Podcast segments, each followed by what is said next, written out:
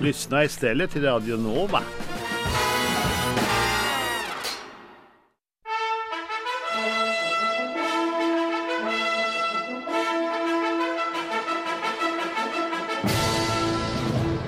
Everybody be cool. You be cool. All right, you ready to have sex? We come in peace. We come in peace.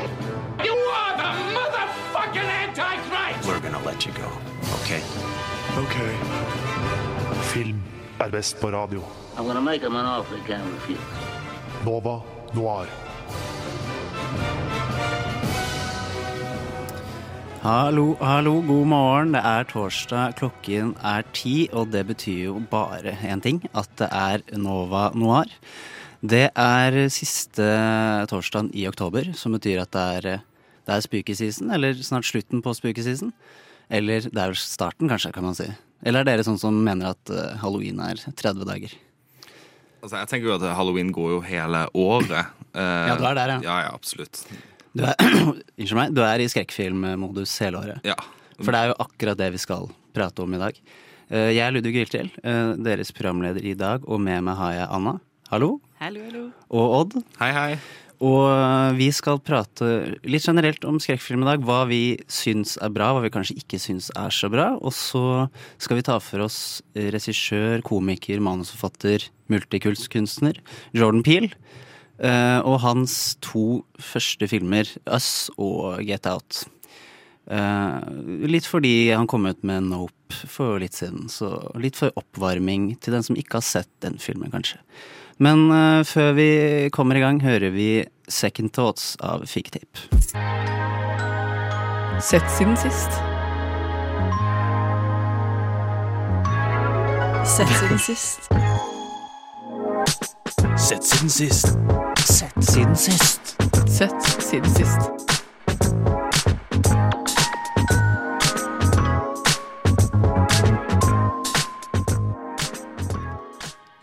Du hørte Figtape med Second Thoughts. Øh, siden sist så øh, har jeg egentlig stressa litt, så da avstresser jeg egentlig med å drive og søke på dokumentarer om random ting. Som jeg egentlig ikke er så interessert i, sånn at det liksom bare kan gå litt i bakgrunnen. Og nå så jeg Netflix sin Story of Spice, som egentlig bare handler, det handler om krydder, da. Øh, jeg lærte jo at krydder er jo mer enn bare Mer enn bare smakstilsetning, holdt jeg på å si. Det har eh, Folk har millioner, kanskje milliarder, har daua for, eh, for dette her. Og, eh, så det ble til at jeg liksom litt sånn med litt hangover eh, bare lå der og hadde den i bakgrunnen til at jeg ble veldig interessert. Og klarte å lære noe. Det, det var jo veldig gøy. Hva er deres eh, Er dere krydderengasjerte? Jeg så faktisk, tro det eller ei, en sånn liten dokumentar om salt her om dagen. Som var kjempeinteressant. De snakket om hvordan salt har liksom blitt uh, hauset opp som denne slemmingen, som er bra, ikke er bra for deg i det hele tatt. Det er jo feil. Ja, det er helt feil, og det visste jeg ikke. Så da lærte jeg også noe nytt om salt. Ja, men utenom det så er, det ikke, er ikke dette så veldig interessant. Hva har du sett siden sist, Anna? Jeg har jo sett siste episoden av House of the Dragon. Som, sikkert, Som veldig mange andre har. Ja, som sikkert resten av verden har, tenker jeg. Ja, ikke meg. Nei, oi, da skal jeg ikke spoile.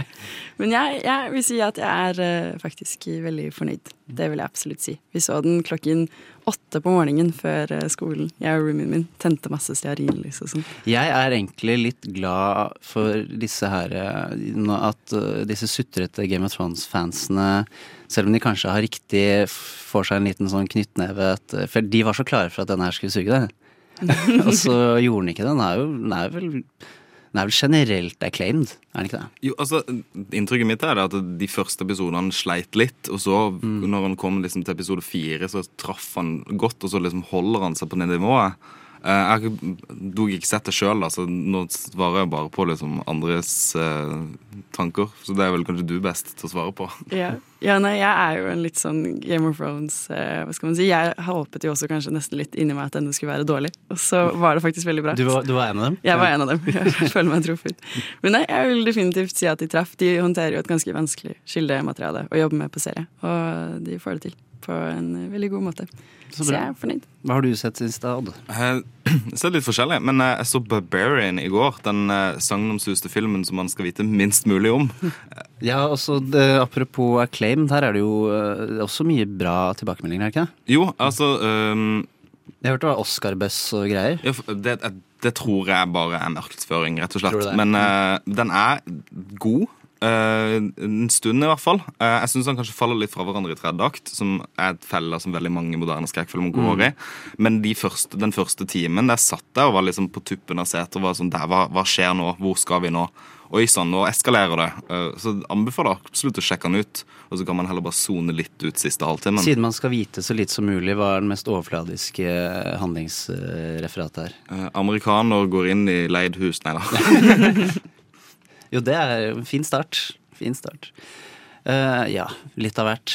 House of Dragon, salt, krydder. Amerikanerne går inn i hus.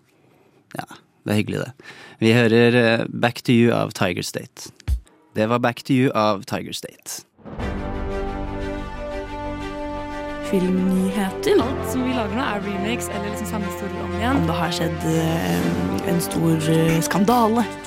Film. Film. Film. Film. Film. Film. Film, film, film, film, film, film, film, film, film, film, film. Nyheter. Film filter, film filter, film til filmnyheter. Veldig nytt til filmnyheter. Film. jeg går inn på det mest uh, mainstreame av det mainstreame og tar superheltuniverset. eh, DC, fordi jeg har lyst til å rante litt, fordi jeg lurer på, er det nyhet at Henry Cavill er Supermann? Den så største overskriften var 'Henry Cavill er blitt Supermann igjen'. Og vi er så glad til å få tilbake han, og så har han ikke alltid, bare, har han ikke alltid vært det. det har gått sånn fire år siden forrige film, som er en sånn vanlig Ja. mellomstadie. Det er de, de, pra, de prata liksom om uh, Artikkelen var skrevet som om vi liksom ikke har sett Henry Cavill siden 90-tallet, liksom. Nå er han tilbake igjen. Jeg tenker jo med en gang at det er jo, det er jo en nyhet for Warner Brothers og DC at de klarer å holde på skuespillerne over lengre tid. Det er ganske sant. Eh, vi ser jo det at liksom alle disse andre uh, superheltfilmene med Amber Heard som ryker Mm. ut eh, eh, Flash, skal, skal han være med i filmen? Skal han ikke være med Ja. i filmen? Og så videre, og så videre. Så Henry Cavill har de i hvert fall klart å holde igjen på, og det er jo kanskje en nyhet i seg selv. Ja, og det sier også litt hvor ferskvare superheltfilm er, da. Uh, og fire-fem år er kanskje såpass lang tid at eh, noen ser kanskje den første superheltfilm med hans nye Supermann. Altså jeg skjønner liksom den derre Og så er det for å holde seg relevant. Dette er en sånn typisk artikkel som man kan, få, liksom, som man kan kjøpe. Så er det å få tilbake Buzz at uh, kanskje han ville vekk, eller Nei, jeg vet ikke. Det er, uh, dette er litt mer sånn rant for meg mer enn det er filmnyhet. Det blir bare litt sånn provosert av uh, både sånn overskrift og provosert over meg selv for at jeg gir dem At jeg gikk inn på den og klikka på den. Ja, jeg hadde også klikket på den. Det, men også Snyder-cutten kom ut i 2021, så er Justice League. Ja, vi har liksom sett han i fjor. Ja, det er ett år siden vi så han sist, så er det ikke sånn at han har gått under jorden, akkurat. Nei, nei. Uh, i, veldig rart. Men dette er bare markedsføring. Kald markedsføring. Uh, Odd, har du uh, funnet noe nytt? Eh, jeg har bare fortsatt lyst til å skyte inn én ting til. Og det er, jo, det er jo det at Han har jo gjort seg selv mye mer relevant igjen fordi nettopp pga. Snyder-cutten og hele den der gjengen der. Um, det er jo en veldig gammel nyhet, da, men leste dere den lange eksposeen i, i, i Vulture om hvordan Snyder-cutten kom til å bli Snyder-cut? Nei, det jeg ikke. For det bør dere gjøre. For det, det var masse fans rundt Snyder som drev og bygge opp og purra på Warner Brothers og gikk liksom fanveien. Og det var såpass mye storming at de til slutt måtte bare liksom Ja, ok, men la, da lar vi han gjøre det. Eh, så det bør dere absolutt ta og sjekke ut. Ja, ok. Ja, fordi uh, Bare selve filmen var jeg så litt sånn ambivalent til. Jeg syns den var så lang. Uh, men uh, Ja, Odd, hadde du en Eller Anna, kanskje? Har du uh, lest noe nytt? Ja, jeg har liksom ikke fått med meg så mye, men uh, siden det er spooky season, så fikk jeg jo med meg at uh, The Conjuring 4 er in Oi, the works. Og det er jo, ja, det er En, en serie jeg ikke har sett, men som de fleste jeg kjenner mener bare at eneren er den eneste gode. Ja, Men uh, det som er med det, er at skrekkfilmer Folk går ikke til dem for at de er bra nødvendigvis.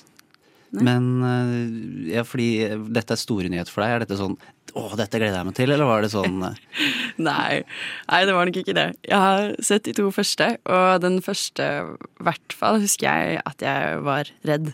Jeg var ordentlig spooked. Eh, men jeg, det er ikke en sånn nyhet hvor jeg blir sånn shit, dette gleder jeg meg til. Altså, når er datoen? Når kommer den?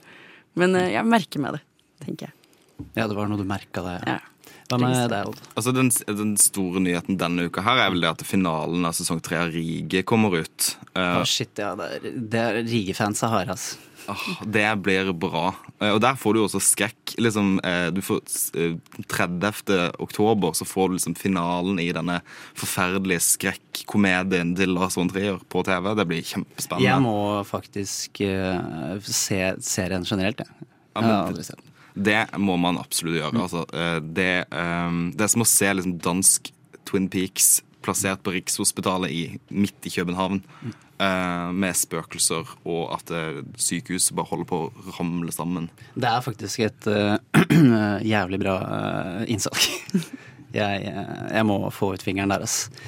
vi hører 'Sushi Easy Girl' av Bård Berg. Bård Berg med 'Sushi Easy Girl'.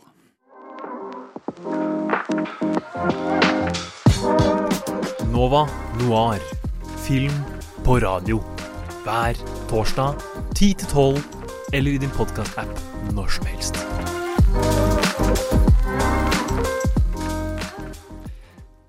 Nå, dere, begynner eh, vårt tema eh, på ordentlig.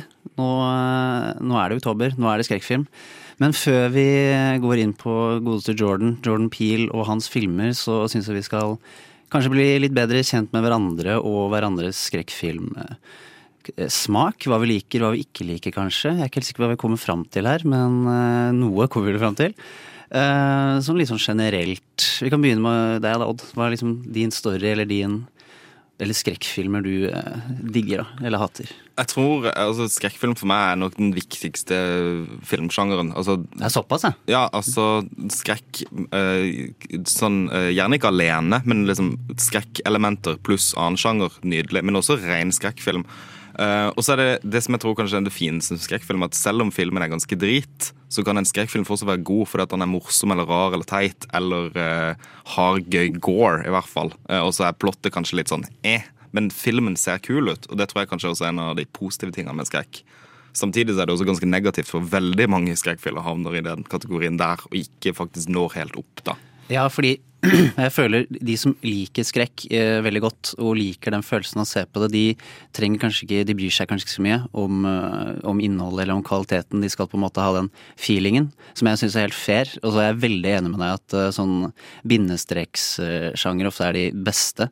For jeg vet egentlig ikke hva en skrekkfilm som bare er skrekkfilm, ville vært. Jeg kan, kommer ikke på en skrekkfilm som, som, som jeg ikke kan gi en annen liksom sånn til, eh, tilsjanger til. Hva, hva mener du, Anna? Ja, jeg tenker liksom Skrekkfilm er jo nesten alltid en slags sånn blanding av sjangere, nesten. Det er jo liksom gjerne litt innspill av thriller og gjerne litt sånn drama innimellom. Det er jo det som ofte gjør det veldig bra. Og de beste skrekkfilmene i min mening er jo de som ofte er litt sånn sjangeroverskridende. Du vet ikke helt hva du får og hva du ser, sånn sett. Og også sånn ren skrekk for meg før var jo litt sånn ja, litt sånn slasher, kanskje litt sånn gore, veldig sånn Chainsaw Massacre-opplegg, på en måte. Ja, for det, det er jeg enig i, fordi det, første jeg liksom var borti i skrekkfilm, jeg liksom var sånn tidlig i tenårene. Da, da tenkte jeg også på liksom slasher, fordi det var rundt den tiden hvor så og sånn kom ut. Eh, og da liksom, For å være kul så måtte du ha sett alle disse filmene. Eh, det er ikke min eh, type. Jeg syns både Eller jeg syns jeg syns de med psykologisk innhold er mye skumlere enn de som har sånn rent fysisk.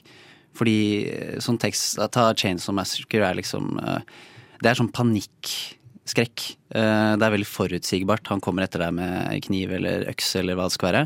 Og så er det skummelt. Men hvis det er en sånn hva kan man si, eksistensiell eller psykisk greie inni der, så blir det en sånn ekstra lag med, med horror, da. Og så er det, når er liksom en horrorfilm horror først, og horror sekundært? Altså en sånn eh, ting man, som kan diskutere opp og ned på veldig mange filmer. Jeg tenker også En annen ting med eksempel Scream-filmene fra Mm. tidlig tidlig 2000, slutten av 90-tallet. Der har du plutselig komediesjangeren lurt inn ved siden av skrekk. Eh, der du har liksom en helt ny måte liksom metakommentar. Der du har en skrekkfilm som kommenterer på slasherne fra 80-tallet og 90-tallet inni seg selv. Sånn- Den første Scary Movie-filmen var egentlig en Scream-film, på en måte. Ja, Scary Movie, hadde det hadde jeg glemt. For jeg skulle liksom gjøre narr av, eh, narr av hele, hele sjangeren, egentlig. Uh, ja, var det noe du tenkte på? Ja, Rihanna? jeg tenkte litt på det der med, med skrekk er jo på en måte veldig ofte sånn Hvis det er ren skrekk for meg, så er det fordi på en måte hovedpunktet med filmen er at de spiller på en veldig eh, klar frykt. Mm. Som for eksempel The Descent, hvor de på en måte går ned i alle disse hulene, og det er veldig trangt, og man får litt sånn klaustrofobisk følelse, og så plutselig kommer de seg ikke ut. Det er vel sånn grunnleggende menneskelig frykt, ikke sant? Filmen hvor eh, visstnok folk hadde klaustrofober hadde kastet opp i kinosalen og besvimt og sånn.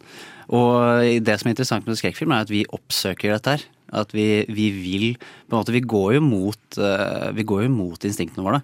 At vi, vi går mot noe vi, nå, skal jeg, nå vet jeg at jeg kommer til å få det fælt, men så betaler vi 130 spenn pluss for å gjøre det, liksom. Eh, så det er jo kanskje Sånn sett er det kanskje mest interessante filmsjangeren som fins.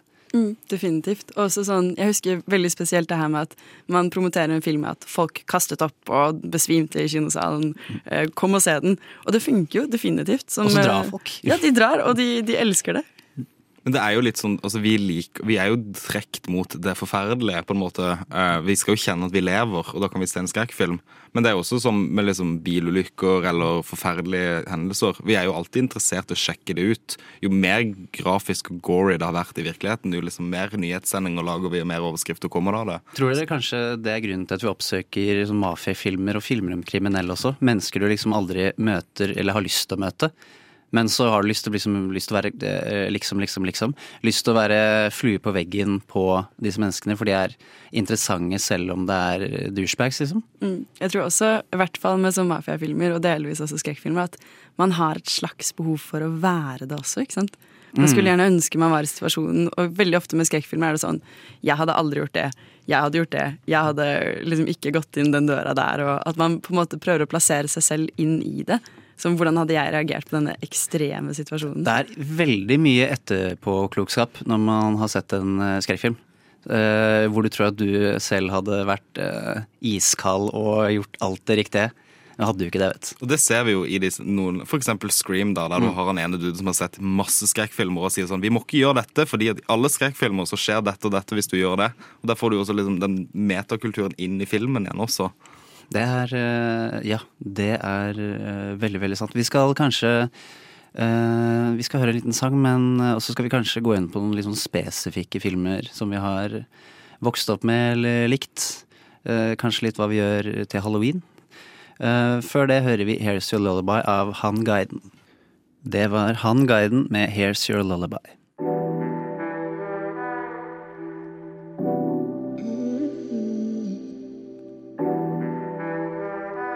Nova? Nova? Noir?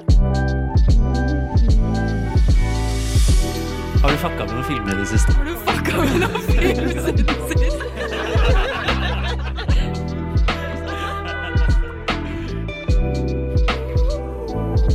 Jeg liker Nova Noir.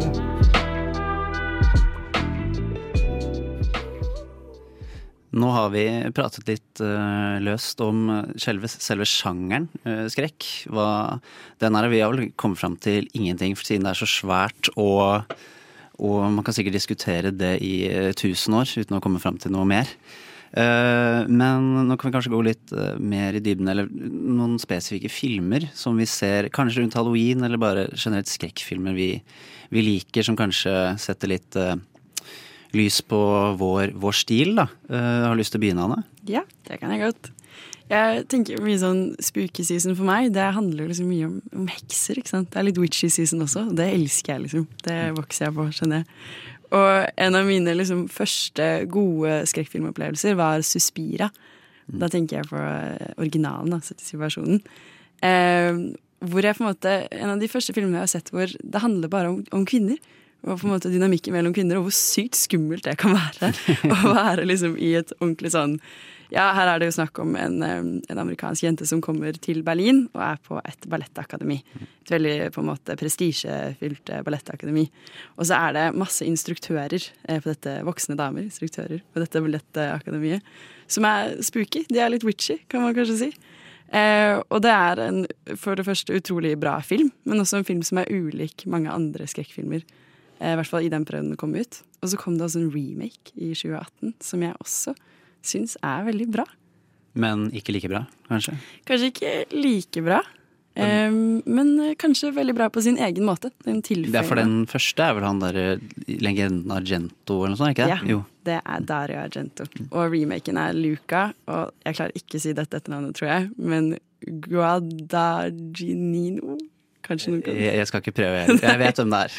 Ja, men også en veldig anerkjent. Men han har jo klart å gjøre liksom, Den remaken er jo helt annerledes. på en måte Han har jo tatt et helt Han har tatt filmen og så har han liksom løfta det opp og laga sin egen historie rundt det. Mm, Og det- ja.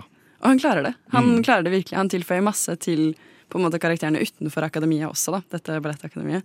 Og Dakota Johnson, altså utrolig overraskende god hovedrolle i Suspira-remaken. Hun, hun bærer ikke filmen, men hun er i hvert fall en veldig viktig Hun er sånn vinn eller forsvinn-skuespiller for meg. Hun er med i kule ting, og så bare plutselig er hun med random. ja, Plutselig glimter hun til, da. Sånn som her vil jeg si hun gjør en kjempegod profil. Og så er hun støtta av hva er det for noe, tre forskjellige Tilda Swintons. Alltid tre eller fire forskjellige Tilde Swintons. Og hun er jo selvfølgelig også fantastisk. Uansett. Ja, for det var rart uh, når jeg så de bildene første gang. For jeg har ikke sett filmen. Ikke, ingen av dem. Uh, men at hun skal være mann og er sminka Det er litt uncanny, men det er uh, Det er nesten litt creepy. Bra sminka. Men hekser er din greie. Hekser er, du glad i heksene? Altså boka og filmen? Uh, filmen hovedsakelig, da, kanskje? Ja, jeg syns den var for skummel. Jeg var for liten da jeg så den. Jeg Ja, det var jeg òg. Ja. Jeg, husker, jeg tror jeg fikk den, lest den til. Ja. Jeg var type så ung. Men jeg var ikke så ung da jeg så filmen. Men jeg syns den derre transformasjonen, spesielt til eh, Angela Houston eh, det var noe av det verste jeg hadde sett, husker jeg. Jeg var rundt sånn 9-10 eller noe sånt. Fordi det, i boka så får man liksom Det er en barnehistorie. Men eh, visuelt så blir den plutselig ikke egna til barn på samme måte lenger. Nei, definitivt ikke. Og, hekser er noe eh, liksom spesielt skummelt med det. Fordi jeg føler det har noe å gjøre med liksom frykten for kvinner som er litt sånn rare. Og litt sånn mystiske. Det er jo det man blir sånn livredd for Det, hekser. det, var, det var jo de som ble brent, de kvinnene. Som Ja. var litt sånn einstøinger og ikke var gift og sånn. Litt Da, quirky. da, da var det ja, litt quirky kvinner, og så blir de brent. Kjipt. Det er jo også, det som jeg synes også, for å liksom bygge litt videre på det, er jo det, med, det som er fint med skrekkfilmsjangeren, er jo også det at det er jo veldig mye av det som ikke har vært greit i samfunnet. Det har vi klart å vise på film gjennom skrekksjangeren. Altså Du har jo masse villains og, og, og, og monstre og sånne ting som er liksom queer-coded eller kvinnelige koder. Um, uh, for eksempel uh, Nightmare on Elm Street 2, er veldig homofilm, i satt i et tid der det ikke er veldig homo i Hollywood i det hele tatt. Men fordi at det er skrekk og fordi det er ondskap, så går det greit, for da blir de disse negative karakterer. Mm. Og det er akkurat det her med at de, de spiller på frykten i samfunnet, ting man er redd for. Vi snakket jo tidligere om det her med klaustrofobi og sånne ting. Men det er jo også frykten for ja, liksom det skeive miljøet, frykten for kvinner, frykten for kvinner som kanskje eh, er litt annerledes enn på en måte det som er normen. At det var jo det man var redd for før. Og at det kommer veldig tydelig frem i ja, skrekk, da. Og rasisme, som vi sikkert kommer til å nevne etterpå, med Jordan Peele. Definitivt. Og eh, ja, det er, det er faktisk eh, det er veldig riktig. At eh, det er lett å bruke en litt med hermetegn uskyldig sjanger til å få frem et viktig poeng. Eh, definitivt. Eh, du da, Odd? Eh, film? Eller Ja. filmer du Altså Min ene liksom, øh, Jeg ser masse skrekkfilm i oktober, det, det, det skjer alltid. Mm. Men min liksom, oktobertradisjon er at vi meg og samboeren vi setter oss ned i sofaen øh, under et teppe, og så ser vi Over the Garden Wall. Ja, den, der, den er bra, ass. Det er lenge siden jeg har sett. Men ja, ja den kan gå under skrekk, den òg. Ja, for det er liksom det, det, det er en skrekk, men det er veldig barneskrekk, på en måte. Og, og det er mer sånn mysterie, lost øh, barn som Adventure. Ja. Ja. den går under mange Der føler jeg hver episode nesten liksom tar for seg en, nesten en sjanger i seg selv. Type, men den er veldig tro til seg selv. Og så er den litt sånn absurdistisk. eh, og liksom klarer å liksom introdusere absurd, eh, det absurde til barn, synes jeg, på en veldig god måte. Og det, tenker det absurde er veldig viktig for meg også i filmen. da. Ja, jeg er helt enig. Jeg liker surrealisme og absurdisme og sånn, men jeg tenker også hvis det er noen som skjønner det, så er det kanskje barn. Som liksom en barn skal hvis du, hvis du får barn til å skulle skrive en film eller skrive en historie til, det er jo bare svada. Sånne essayer fra, som er skrevet av tiåringer og sånn. Og prøve å lage noe ut av det. Det er jo også veldig mange ting man har sett som liten, som man kanskje ikke har tenkt der og da var så skummelt, og så ser man det i voksen alder, og så er man sånn Oi, hva faen, dette er dritskummelt, liksom. Hvordan klarte jeg å se det her da jeg var liten? Det er en del sånn barnefilmer, litt sånn som Heksene, for eksempel, som, som er skumle, og som på en måte allikevel er ment for barn. Ja, at den der introduksjonen at vi ble mer pysete, eller fordi vi vet mer, så blir det skumlere, på en måte. Mm. Ja, det tror jeg er Ja, det høres riktig ut. Men min greie er veldig sånn derre Jeg liker sånn 80-talls uh, slasher Når effektene liksom er Før vi kom til det der punktet at effektene ble for gory og for ekte. Uh, hvor jeg kan liksom le samtidig som ting er ekkelt, sånn som uh, Evil Dead. Eller da vil jeg heller fremheve Evil Dead 2. Som uh, Man vet ikke, det er, er, det en remake av eneren? Det er den filmen Sam Ramy egentlig ville lage, eller noe sånt, er det ikke det? Jo. Men uansett, sånn type filmer Og den, vi kan ta The Thing under samme greia, da. Den originalen. For det er sånn der hvor jeg bare kan Der kan jeg kose meg, på en måte. Jeg syns praktiske effekter er jævlig ekle når det kommer til sånn horror, spesielt med The Thing og sånn. Men jeg syns ikke det er så ekkelt at jeg på en måte Hva kan man si til ah, Jeg syns ikke det er fælt, så fælt, liksom. Men 80-talls 80 horror for meg er liksom Night on Elm Street ble nevnt. Uh, hvor jeg snakker om disse her forutsigbare skurkene, på en måte. da. Uh, enten om det er monster, eller om det er en crazy, crazy guy. Uh, fordi den sjangeren her føler jeg har blitt litt sånn spytta på, fordi hver gang jeg nevner at jeg liker det best, så kommer det noen med fingrene og sier sånn ja, men nå, blitt, nå er det jo faktisk skummelt. Uh, med sånne nye ting som uh, Si 'Midtsommer' eller, eller sånne type filmer. Da. og da blir jeg nesten litt sånn provosert, og så kan ikke jeg like det. Så jeg er også enig at det har definitivt kanskje blitt en mer hva kan man si, 3D Det har blitt mer tredimensjonalt, det har det blitt. Men det er noe å hente i disse fra 70- og 80-tallet altså. Jeg tenker jo det at det er jo mye lettere å nevne ti filmer, ti gode skrekkfilmer som er laga før 90-tallet, eller liksom Det er sant, ass. Mens det å velge ti skrekkfilmer som kom ut etter liksom 2005, som er gode, det er vanskeligere, vil jeg si. For det er veldig mye det er, den, det, er, det er, blitt så mye mer skrekkfilm som kommer ut, så det er mye mer av det som er drit, enn det som er bra. Kanskje. Ja, det er sant. Og nå mener du liksom det som er filmatisk bra, ikke som du syns er uh, Ja, det, ja. det er mye som blir pumpa utover en lav sko. I ja, hvert fall i den CGI-alderen i tidlig 2000-tallet. Det er jævlig sant, ass. Jeg tror også uh, skrekk, liksom, hvis man skal gå langt tilbake, da, sånn Nos, Nosferatu Nosferatu? Hvordan? Nosferatu, Nosferatu. Ja. Den får jo for øvrig også en remake nå. Men det også er jo en film som når den kom ut, så var den dødsskummel. Folk syns jo det var helt grusom. Jeg syns fortsatt den der figuren er jævlig lekelig. Ja, og den er jo det. ikke sant? Man treffer jo på en måte Skrekk er jo eh, litt tidløst, kan man si. Hva man er redd for som menneske, er jo ganske tidløst. Så filmer som er eldre også, kan jo treffe skikkelig. Ja, for det virker som en sånn gjenganger er sånn høye, tynne menn med rare proporsjoner. Det er, det er, noe som alltid, alltid skremmer oss. Det har jo vært der siden starten, med liksom mm. Nosferatu, The Cabinet of Caligari og alle disse helt i begynnelsen.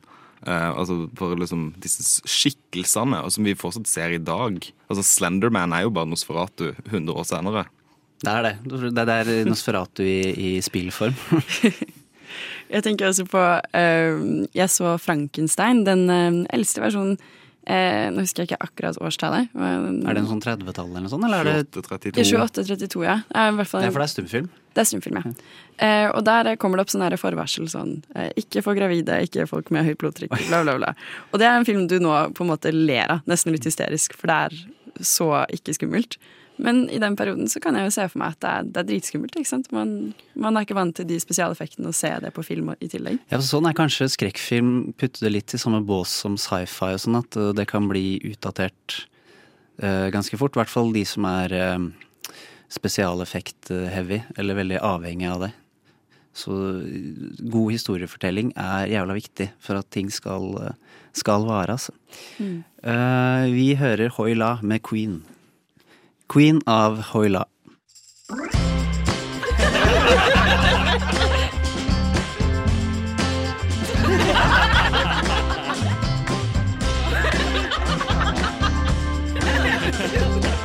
Du hører på Nova Noir hver torsdag 10 til 12. Hver torsdag 10 til 12.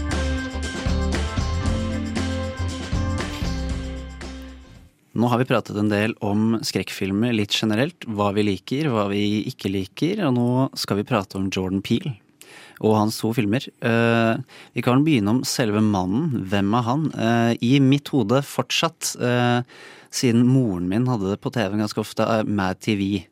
dette sketsjshowet som liksom er eh, Saturday Night Live sin store Eller var Saturday Night Live sin store rival, på en måte. Eh, Så hver gang jeg ser eh, trynet til fyren, så tenker jeg eh, han og han makkeren som jeg burde ha, burde ha notert ned navnet på. Men de, de to sammen i sketsjer. For jeg, tenker jo på han først og fremst som en moromann. Ikke som en uh, skrekkfilmmann. Uten å gå for langt inn på spesifikt på filmene, for det skal jeg gjøre etterpå, er jo at humor er en viktig, viktig del av dem. Eh, jeg var faktisk ikke klar over at Jordan Peel var den personen som Jordan Peel ser ut som. Så når jeg så et bilde av Jordan Peel for første gang, så var jeg sånn Vent litt, er det han? Ja, jeg er faktisk enig, fordi jeg visste jo egentlig heller ikke hva han het. Eh, Jeg hørte bare når jeg husker Get Out kom ut, så kom navnet hans opp hele tiden. Og var det sånn, ja ok, der kommer en, har kommet en ny fyr, og så bare oi, oi, han ja. Jeg husker også når Get Out kom ut, så var det veldig sånn Folk var sånn Hva faen, hva skal vi forvente av han fyren her? Han er komiker, liksom, så kan lage skrekkfilm? Og det var liksom en stor del av hypen rundt Get Out. At folk ble veldig sånn usikre på hva de kom til å få av han som filmskaper. Det er litt det der med at vi, eh, at vi undervurderer komikere, eller at eh, kanskje at komedie fortsatt har en litt sånn annenrangs eh, Man har litt annenrangs holdning rundt komikere. Spesielt når de skal gjøre noe som helst som er seriøst, da, i hvilken kunstform de driver med. Litt sånn malapropos, men der er du et godt eksempel. Der har dere sett Precious? Den der grusomme filmen om Ja, der er i hvert fall hun derre Monique, som er en, sånn, en kvinne som er standup-komiker. Som spiller moren hennes og vant Oscar for den. Og da var det sånn hele Hollywood klikka for at en standup-komiker kan gjøre, gjøre sånn her. Robin Williams er vel kanskje også litt i samme bås. Mm. Men tilbake til Pil. Ja. ja, men definitivt. Det er det her at folk forventer noe av en komiker, og så får de noe annet. Blir det forventer sånn, liksom ingen, det, er, liksom litt som De er barn. Ja. Som liksom Å, her kommer du, ja. Og så klapper du de litt på hodet, og Ja. det var veldig bra Du skal prøve deg, du. Da. Lage film, ja. Det er veldig, ja. Jeg tror det er liksom en greie at man, man senker på en måte forventningene veldig når det er snakk om Og så er det liksom sketsj og sketsjkomedie er vel kanskje ikke den uh, høyest ansett uh, komedieformen heller, så Men der er det jo også igjen sånn Når var sist gang dere så en god komediekomedie som må komme ut i moderne tid? For det er, komedier er dritvanskelige. Som liksom skal være, som er sånn rent morsom uten at det er noe sånn dramat, dramatisk element. det første jeg tenker på, er liksom 22 Jump Street, men den filmen er jo syv-åtte år gammel. Ja, ja, for du er enig i at den er morsom. Jeg syns også den var ganske morsom. Og den er en komedie-komedie, vil jeg jo si. Ja, og der, Nå skulle jeg ønske at jeg var litt kvikkere, men jeg kom jo ikke på som, Den er som er sånn ordentlig komi-komi, liksom. Nei. Eh, Jeg, jeg kan liksom ikke huske Jeg har jo hatt noen filmer hvor jeg på en måte har ledd veldig sånn genuint. Uh, men jeg kan ikke huske sist jeg så en komedie-komedie hvor jeg Og det tenker jeg jo er et bevis på at vi putter liksom altfor lite respekt til komikere, eller folk som lager komedier. For det er vanskelig Det er å lage gode komedier. Og så klarer han i tillegg å lage en god skrekkfilm i tillegg. Definitivt en greie med Jordan Peele er at han har gått fra å være en litt sånn obskur komiker-type fyr, men når Nope kom ut nå, så husker jeg at folk var sånn Det er på en måte én ting når en film kommer ut, og det er en annen ting når en Jordan Peele-film kommer ut. Han er på en måte et kulturfenomen. Og det har han klart på Han har to spillefilmer før Nope nå. Han har klart å liksom etablere seg som en av de viktigste navnene i filmindustrien. Og appåtil så lager han skrekkfilm og komedier, og det er egentlig veldig imponerende. Og det som må sies også, som er viktig, og som er både viktig eh, bare i vår ordentlige verden, holdt jeg på å si, og filmene, det er jo at han er veldig viktig for eh, svart kultur, ikke bare i USA, men i verden, og at han eh, Du nevnte det i stad utenfor studio, Anna, at han er den første som har vunnet Oscar for manus. Svarte, altså? Jeg mener og tror at han er en av de første. Ja, for jeg, jeg ville kanskje tatt for gitt at det liksom har kanskje har skjedd en eller to, eh, tre ganger før, men eh, Du ville blitt Og det, det, er, det, er, det er jo ikke lenge siden. Nei. Uh, og vi skal ikke gå inn på filmene som sagt helt ennå, men eh, han, eh, han gir jo en viss uh, Gi beskjed eh, blir helt feil ord, men eh, han eh, legger jo stor vekt på dette i filmene sine. Og, i, og du merker at det har sikkert preget han i oppveksten, og hvordan det kommer frem i For det husker jeg i sketsjene hans også. kødder også veldig mye med dette her, så det er en veldig stor del av han. da. Mm, definitivt. En ting som også er kjempeinteressant med Jordan Peele, er hvordan han, han fyller et definitivt tomrom Mm. i filmindustrien og filmens verden. Han, er, han lager noe som ikke har vært der tidligere. Og er- jeg føler ofte at man har samtaler om sånn åh, nå har vi lagd alt vi kan lage, og nå er det ikke noe nyskapende lenger, og det kommer ikke noe nytt og sånn. Og det er jeg jo enig i i utgangspunktet, men Peele har absolutt klart å tappe inn på noe som som ikke var der før, og som folk hadde lyst på. Som Mm. folk vil ha og liker, og som definitivt traff en nerve. da. Og så tror jeg definitivt han provoserer noen òg. En, eh, en ganske fæl eh, del av befolkningen, eh, vil jeg tro. Og det, det liker jeg. Eh, Han er jo også en kunstner som virkelig bruker verkene sine og kunsten sin til å fronte en politisk mening eller et politisk budskap. Og det tenker jeg jo er jo, det er mange kunstnere som gjør det. Og det, han er i hvert fall liksom, jeg vil si at desidert en av de jeg tenker på med en gang, politiske kunstnere. Bare for hvordan han bruker representasjon og de historiene han forteller i disse filmene. Det er eh, Ja, det er veldig sant. Og så Ja, ja men det er på en måte måten han gjør det på. For han i filmene hans er jo ikke politiske sånn i sjanger. Nei, nei. Som det, det er ingen der sånn political drama eller political horror. Kanskje han burde prøve seg på det en gang. Ja. han, han gir også en veldig eh, I hvert fall det eneste jeg har opplevd av film, hvor han gir meg en følelse av, av hvordan noe kan, ikke for å gå altfor mye inn på filmene, men hvordan noe kan føles på kroppen. At du Mm. kjenner sånn dette er skikkelig ubehagelig, og dette er en situasjon jeg aldri hadde vært i fordi jeg ikke har denne hudfargen. Det er dritubehagelig. I hvert fall eh, Ja, det er mye ubehag i mye filmer hans. Men det er sånn ubehag hvor du føler at eh, Og dette har han fått til. Det er ikke sånn ubehagelig at og dette er bare ekkelt. Mm. Eh, og det er kanskje Det er vel både, både det med budskapet hans og uh, den generelle skrekken han kanskje vil Den fine blandingen, da. Fordi han er definitivt i man kan jo nesten putte tre-fire sjangere på filmene hans hvis, vi hvis man vil gå inn for det, liksom. Eh, og han klarer å Han klarer å balansere det eh, bra, syns jeg. Mm. Også, hvis man skal oppsummere Jordan Peele-filmene, så høres det ut som et salig rot. Det er helt kaos hvor mange elementer du har inn. Også det her religiøse aspektene. Og han er kjempegod på symbolisme og religiøs symbolisme. Og i hvert fall de to siste filmene hans, Nope og Us, vet jeg starter med, med bibelvers. Og de blir gjengangere gjennom hele filmen, disse bibelversene. Og han er veldig sånn Det er ikke sånn at han bare putter tilfeldige ting inn i filmen, selv om det kanskje høres sånn ut når man prøver å beskrive det. Det er veldig sånn, det gir ordentlig mening. Alltid. Nei, han har nok eh, hatt en religiøs oppvekst. Hvis han ikke er eh, kristen fortsatt, så er han definitivt eh, vokst opp med det. Mm. For det er ikke noen sånne tilfeldigheter. Og det er ikke, sånn, eh, det er ikke brukt på en sånn måte som en eh, ikke-religiøs person kunne gjort, kanskje heller. Eh, Altså- det er min tolkning, i hvert fall. Han bruker jo de historiene som vi har levd med hele tida, og som veldig mange kan kjenne seg igjen i. Kanskje det å bruke disse religiøse symbolikk, eh, må, eh, symbolene er en måte for han å prate til publikum som ikke nødvendigvis kjenner rasismen sin igjen. Ja, fordi han Det jeg også syns han får til bra, at han, han prater definitivt til, et, eh, til en gruppe som vet helt fint hva han prøver å si, og sier eh, Kanskje de føler seg sett og hørt, og, bare, og endelig er det noen som eh, gjør dette her. Men allikevel, og så klarer han å snakke til den andre gruppen som kanskje ikke vet, burde vite mer. Han klarer å snakke til Få med seg på en måte de som kjenner seg igjen allerede, og de utenfra som kanskje har noe å lære, da.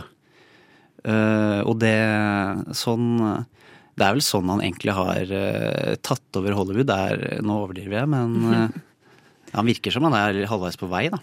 Ja, jeg vil si han er på god vei til å ta litt over. Og han, en ting som også er veldig bra med Jordan Peele, er at du føler at du, du vet på en måte litt akkurat hva du får, samtidig som du alltid blir superoverrasket, og du skjønner ikke hvordan han skal snu seg neste gang. Og, og i, at han også er en overraskende filmskaper, som vi har snakket om at ja, han er komiker, liksom, han har drevet med komedie før, så kan han komme og lage skrekkfilm, på en måte.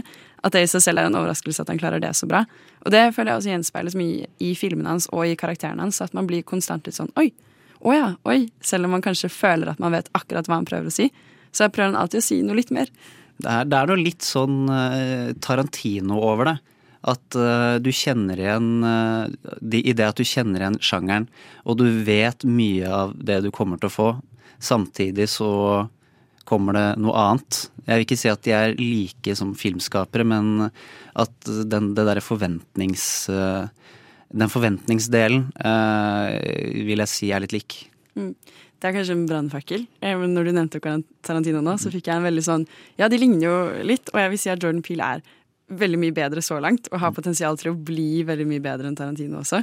Det er kanskje ikke helt eh, lov å si. Jo, jeg er for så vidt eh, enig i det. Jeg har aldri vært eh, Tarantinos største fanboy. Så. Helt enig. Tarantino har jo liksom begynner bra, også, også, men det er igjen samme med Shyamalan og litt sånn disse andre autørene, da, som begynner bra, og så får de liksom fri, fritt spillerom, og så er det ingen som Ego klarer blir veldig høyt, da. Ja, og den editinga som de har hatt tidlig i karrieren sin, forsvinner ut. Og så håper jeg jo da at det ikke skjer med Jordan Peele, at han fortsatt klarer å holde seg relevant og klarer å liksom fortsette å lage gode film og ikke blir for høy på seg selv, rett og slett. Det er, det er kjempefarlig. Det er det. Og Tarantino også har jo ikke i nærheten av like gode samfunnskommentarer som Pil har, definitivt. Og ikke liksom like Nei, jeg mye føler ikke at han ønske om prøver heller. Nei, nettopp. Han har, han har null ønske. Nei, den, den, den sammenligningen jeg står for, er bare den forventningen vi har, tror Mm. jeg er på lignende måte. Sånn Hvis en av de to hadde viket helt fra sin sjanger og forventninger, så tror jeg liksom fanbasen hadde blitt oi, oi, hva skjer nå? Mm. Og da blir man enten skuffet eller kanskje fornøyd. Hvem vet. Men det var litt om godeste Jordan. Nå skal vi dypdykke litt inn i de to første filmene hans utover sendingen. Uh, Men før det så får du Candy Goat Veneer av Jejun. Du hørte Everything's Fine av Melis, og før det så hørte vi Jejun med Candy Coat Veneer. Du lytter til Nova Når. Da dere, da dere, skal vi prate om Jordan Peels eh, første film. Eh, en sterk debut, vil jeg si, i eh, Get Out. Og bare en liten kort intro av hva det handler om. Det handler om Chris og kjæresten, som skal, Rose, som skal hjem til Rose sin familie, og Chris er kanskje litt skeptisk, fordi han er svart og sammen med en, hva kan man si, litt eh, stereotypisk En jente fra et litt stereotypisk øvre middelklassehjem. Uh, hun uh, forsikrer henne om at eh, det, at det er helt normalt, eh, og så drar de dit, eh, og ting eh, utfolder seg. You got your toothbrush? Check. Do you have your deodorant? Check. Do you have your cozy clothes? Got that. What? Do they know I'm black? Should they? You might wanna, you know. Mom and Dad, my black boyfriend will be coming up this weekend. I just don't want you to be shocked that he's a black man.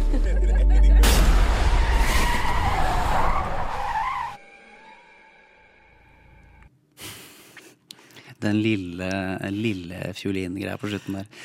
Uh, nei, det, sånn overfladisk og litt sånn eh, handlingsmessig her, så Vi kommer jo til eh, dette huset. eh, og allerede fra starten her så er det jo no, noe på ferde, merker man. Uh, må forresten eh, si at både på den filmen her og den etterpå så spoiles det. Eh, helt, helt skamløst. Eh, så hvis du ikke har sett den, så bare dra og se den. Eller hør på oss bable om hva vi syns. Eh, nei, eh, jeg syns jo dette Nei, nå er jeg litt sånn der Jeg hadde skrevet ned noe, men det var liksom ikke så bra. Jeg har dere lyst til å si hva deres eh, umiddelbare tanke var første gang dere så den? da? Odd, kanskje? Jeg, så den faktisk første gang i år. Uh, Ja, du gjorde det. eh, For jeg har klart å liksom uh, Dodge den? Eh, Ikke dodge den, men jeg, jeg har en tendens til å plutselig glemme å følge på med filmer, og så liker jeg å se liksom mer av en filmskaper samtidig. Mm. Så når jeg først skulle liksom Nå kommer den opp, da må vi se Jordan Peele-filmene. Så det var, da fikk jeg liksom sjekka ut Get Out i år. Veldig gøy å se den filmen med et rom med fire andre som har sett filmen før, og ikke vite noen ting. Og så ser du bare at de snur seg mot deg hver gang det kommer til å skje noe snart. Og så, ja. Eh, ja, altså, men i eh, Ja, for i filmen, da, eh, så Vi blir jo introdusert til familien til Rose. og jeg i hvert fall merker jo at det er noe skummelt her med en gang. For jeg er veldig sånn jeg er litt sånn var på mennesker, både i virkeligheten og i filmer. Sånn at det er et eller annet der som klinger dårlig her. For de merker at eh, spesielt faren prøver virk, eh, virker som han kompenserer veldig eh, for å være hvit. Han kompenserer ubehagelig mye for å være hvit. At noe av det første han gjør med Chris, er jo å ha en samtale tett av tett med han, hvor de skal snakke om Jesse Owens, denne friidrettsutøveren som liksom var den første svarte som vant OL-gull på 30-tallet, og det er sånn Kom igjen, dude. Kom igjen, dude. Det, er, det er så flaut. Jeg syns sånne scener er så flaut. Har dere sett Atlanta? Ja. Ja, den, den Jeg, jeg syns Get Out kunne vært en Atlanta-episode. Ja, for det er Get Out, den eh, Begynnelsen av Get Out-filmen eh, gir meg den samme viben som den festepisoden i eh, Mm. første sesong av Atlanta, der han møter disse hvite eh, familie Mm. eller vennene til dama. da. Eh, Den der viben med at her, er det liksom, her overkompenserer man mot rasisme. For ras hva skjer egentlig her? Jordan Peele og, Jordan Peele og Donald Grover er, de er ganske like i eh, hvordan de lager filmer, og ikke minst motivet, motivet de har. Mm, definitivt. Det er også en veldig god scene, den samtalen med faren, fordi hun advarer han jo mot at sånn Jeg lover deg, Rose, da, sier at eh, når du kommer, så kommer faren min til å si at han, han stemmer på Obama. Og han hadde stemt på Obama en tredje gang hvis han kunne. Men når han faktisk sier det, så er det fortsatt, selv om du vet at det kommer, så er det så utrolig cringe. Du blir sånn shit. Dette er utrolig fælt, liksom. At han faktisk sier det. Og hele familien er sikkert Men jeg syns han faren uh, Undervurdert skuespiller, forresten. Han er sånn birolle som dukker opp overalt. Uh, men uh, men han syns jeg er det fæleste. Og han, han har fått Den rollen fikk ut så mye sånn flauhet til meg at jeg liksom bare må øh, gratulere både Jordan Peele for manus og skuespillet hans og måten det er klippa på. Fordi øh, å bli så flau for meg, det er en sånn skrekk i, i seg selv. Uh, og lagd en film hvor dette faktisk var en sosialrealistisk greie, hadde faktisk nesten vært verre for meg enn hvordan Get Out er. Ja, definitivt. Og så eskalerer det jo så sykt òg. Du starter med denne kleine samtalen med faren, og så plutselig bare kommer det en armada av hvite middelaldrende mennesker på en fest, hvor han på en måte står veldig tydelig ut som Han skiller seg utrolig ut da, i den mengden. Mm. Og det er bare fullt av sånne kommentarer og samtaler, og det bare renner inn. Og at folk står og øh, ser på han når de prater og sånn. Ja. Alt er ekkelt. Men et virkemiddel som øh, brukes øh, veldig bra her, øh, er ganske sånn, i hvert fall i starten, sånn sakte klipping. Du får ta til deg flauheten, og spesielt ansiktsuttrykkene til Daniel Kaluuya, som spiller en fantastisk rolle, men bare det fysiske skuespillet, for du ser at han har det han ser liksom en blanding av litt sånn lei, sur og litt sånn 'jeg visste at dette kommer til å skje'-type hva, hva, 'hva var det jeg sa'-type holdning. Mm. men det der at de holder det på han eh, Veldig ofte eksempel er hver gang de kommer med en sånn kommentar som er ditt, eller når han ser at de har en, eh, en svart hushjelp og sånn. Mm. Eh, det er helt nydelig. Ja, det er også veldig Det er at hun kommer inn til huset, og så ser det ut som en plantasje. Og det Mm. første han ser, er gartneren, som er svart. Og Mm. så på en måte baller det på seg, og så har de en hushjelp som også er svart. Og så Det kommer liksom under huden på deg. Og eh, samspillet mellom eh, karakteren Chris og Rose, da, kjæresten, er veldig go godt her, fordi hun har jo på en måte blitt solgt inn som litt sånn eh, litt woke. Hun er liksom klar over eh, at det finnes mye rasisme, på en måte. Men når det kommer til stykket, så er det sånn hun har ikke eh, på en måte tenkt så mye på det her med at de har to mørke hushjelper, på en måte, og at eh, familien hennes er sånn og sånn. Og så er det, her er hun også utrolig flink, Alison Williams, som spiller Rose, på å virke veldig fake. Sånn at Ja. hun er på hans side, og hun ser at de er kjipe, og hun syns også kommentarene er irriterende, men hun, hun syns egentlig ikke det. Og i hvert fall en scene etter denne festen hvor hun Eh, eller etter en middag, er det vel, hvor de skal legge seg og hun står og pusser tenner liksom, og skal forklare at det er så irriterende, herregud, familien min er akkurat som alle andre, og å, herregud, jeg trodde de ikke var sånn, og de er sånn. Og er, der er hun utrolig god på, på å vise det aspektet med sånn Hun later litt som hun bryr seg, på en måte. Altså, det, er en, det er jo en sånn fake allyships viser liksom, Det er jo de farligste her. er jo På en måte føler jeg det Jordan Peele prøver å vise her. At de som liksom later som de støtter kampen, og så til stykket så gjør de jo ikke det, da. Er jo de skumleste, for de kommer jo mye nærmere på det. Uh, og så var det en annen ting jeg skulle si, men det forsvant helt bort for meg. Ja, for jeg tenkte også på Rose Face. Første gang jeg så den, så syntes jeg det var et eller annet off uh, med henne. Men det er kanskje fordi jeg har møtt noen sånne mennesker før òg, som uh, de prater liksom støttende til deg, men på en sånn rar, overfladisk måte. Sånn at de virker ikke som De har bare hørt halvveis på hva du sier, og de sier hva du Sånne folk som sier hva du vil høre, ikke hva de faktisk mener. Uh, og det, det syns jeg bare er irriterende. Mm. Det Og er hun, hun er veldig sånn. Definitivt. Det er også en kjempegod scene helt i starten når de kjører til foreldrenes hus, uh, hvor de kjører på et rådyr. Eh, og politiet kommer og stopper dem, eh, eller de ringer politiet. Eh, og de spør om legitimasjonen til Chris. da. Og så sier Rosa hvorfor skal dere ha legitimasjonen hans, han kjørte ikke. ikke sant? Og det er, det er også en utrolig god scene hvor hun er bare kjempecringe. Hvor hun skal være litt sånn tøff og forsvare kjæresten sin, og, og denne politimannen er rasist, liksom. Hvor det bare Det føles Det er skrekkmomenter i det. ikke sant? Det føles som du går under huden på deg, og du er sånn Noe stemmer ikke Og så, er, og så er det så smart også, for da har ikke politimannen informasjon om hvem han svarte personen som forsvant, var. Mm. For hvis han hadde fått ID, så hadde jo politiet hatt en logg på at Chris har forsvunnet i dette området. Åh, det har jeg ikke Så, tenkt på. så det at hun liksom kjører så på liksom Nei, nei, nei, du skal ikke, det her er rasisme, er jo bare en måte å beskytte sin egen familie på. Ja, Ja, dette er, det er foreshadowing. Ganske Ja. bra ja foreshadowing. veldig bra foreshadowing. Det vil jeg absolutt si. Jeg vil egentlig klikke, klikker egentlig fordi de spør etter ja. Hun blir stressa. Mm. Ja, For det er jo liksom den første, hos sin første liksom challenge, for hun har jo sitt oppdrag, og det er jo å få tak i den fyren her. Mm. Ja, også Ja, for en scene som jeg Kanskje den beste er jo den der festen, da. Når eh, Fordi foreldrene driver jo i i, i hva kan man si, i skjul en slags sekt som tar svarte mennesker og bytter ut hjernen med andre hvite. Eh, for å bli yngre, antar jeg. Eh, eller de har en veldig ve ekstrem rasistisk forutinntatthet om, hva, om hva svarte mennesker er, og hva hvite mennesker er. Er sånn, Dere er fysisk sterke, vi er smarte. Mm. Kommer vi sammen, så kan vi skape et perfekt Men Det er så fucked up, vet du. Ja, det er helt crazy. Og det er jo også en auksjonsscene. Hvor faren står og måte faktisk auksjonerer bort karakteren Chris, da, mens han liksom er eh, i skogen med Rose og ikke aner hva som skjer. Og det er en utrolig ekkel, stille scene hvor de liksom De sier vel at de skal spille bingo, og så er det som de byr.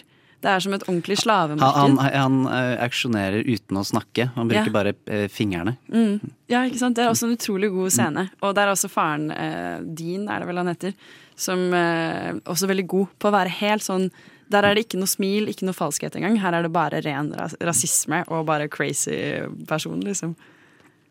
Eh, Fordi, eh, og som jeg sa, den der scenen hvor eh, vi møter alle disse forskjellige karakterene, som har så mye foreshadowing på hva slags type slave, kan vel si, de har lyst på. Og når han går bort til han ene, så sier han nei, eh, eh, svart er in. Den, Ja. så bare, han vil være kul, og så er det eh, en vil bare se, en vil Alle vil et eller annet. Mm.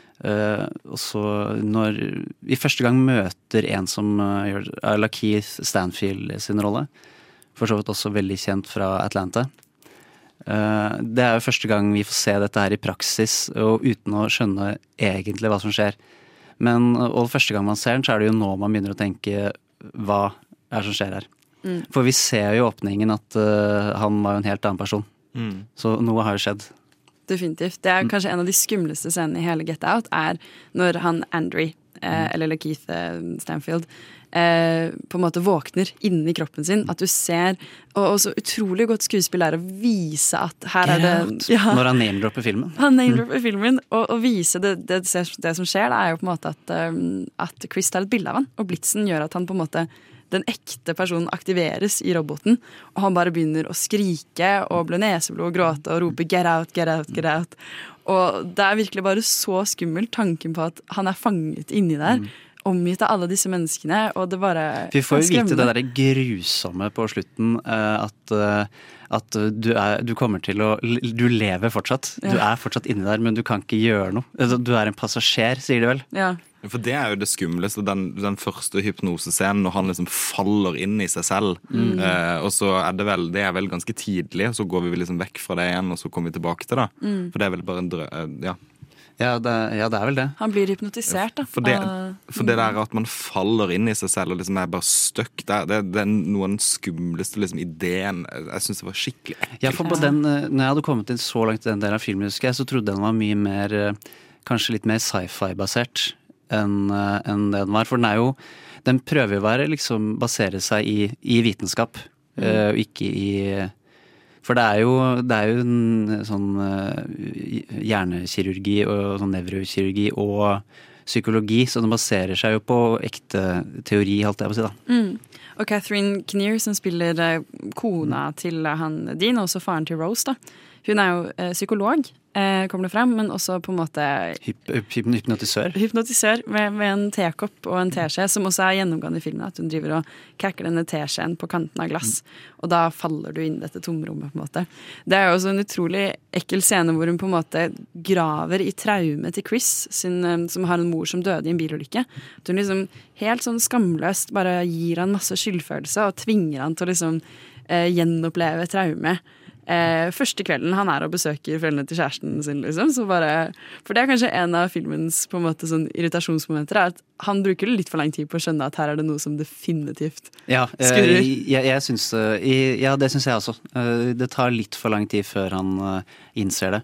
Jeg skjønner at det liksom skal være suspens og sånn, men i hvert fall jeg, jeg er ikke noe sånn eh, intelligensia, jeg, men jeg plukka opp ting relativt fort, da. Men det, det, det, som er, det er spennende at du sier det, for det er veldig mye film i det siste føler jeg at man har vært sånn Ja, men hvis du bare hadde forlatt litt tidligere, så hadde det gått fint. Um, Speak No Evil er også en film der uh, karakteren burde ha gått mye tidligere. Men så gjør man ikke det i, i, i redsel av at det er ubehaget man gjør når man liksom sier nei eller går vekk. Eller liksom, man har lyst til å være høflig. Mm. Og den der høflighetsbehovet mennesker har, tror jeg drar oss mye lenger enn det vi egentlig ser. Og det, i, det, høfligheten hans øh, dreper han jo nesten i, Ja. i filmen her. Definitivt. Og det er jo kanskje også en ting som er øh, veldig eh, ekstra liksom, interessant her, er at han har nok et ekstra behov for å på en måte bevise noe. Det kommer jo også tidlig frem i starten av filmen når han sier 'Har du fortalt foreldrene dine at jeg er svart?' Eh, hvordan kommer de til å reagere på det? At det er liksom et, Han lar veldig mye passere. Eh, kanskje i et håp om at eh, Jeg tror eh, sånn akseptanse for han er veldig Ja. veldig viktig. For det, han, det virker ikke som han er så fornøyd med familien fra starten av, men han er glad i kjærestene sine som han vil gjøre et godt inntrykk. Mm. Og han har lyst på aksept, og det er jo et av de mest basic tingene mennesker har. Ja. Er jo aksept.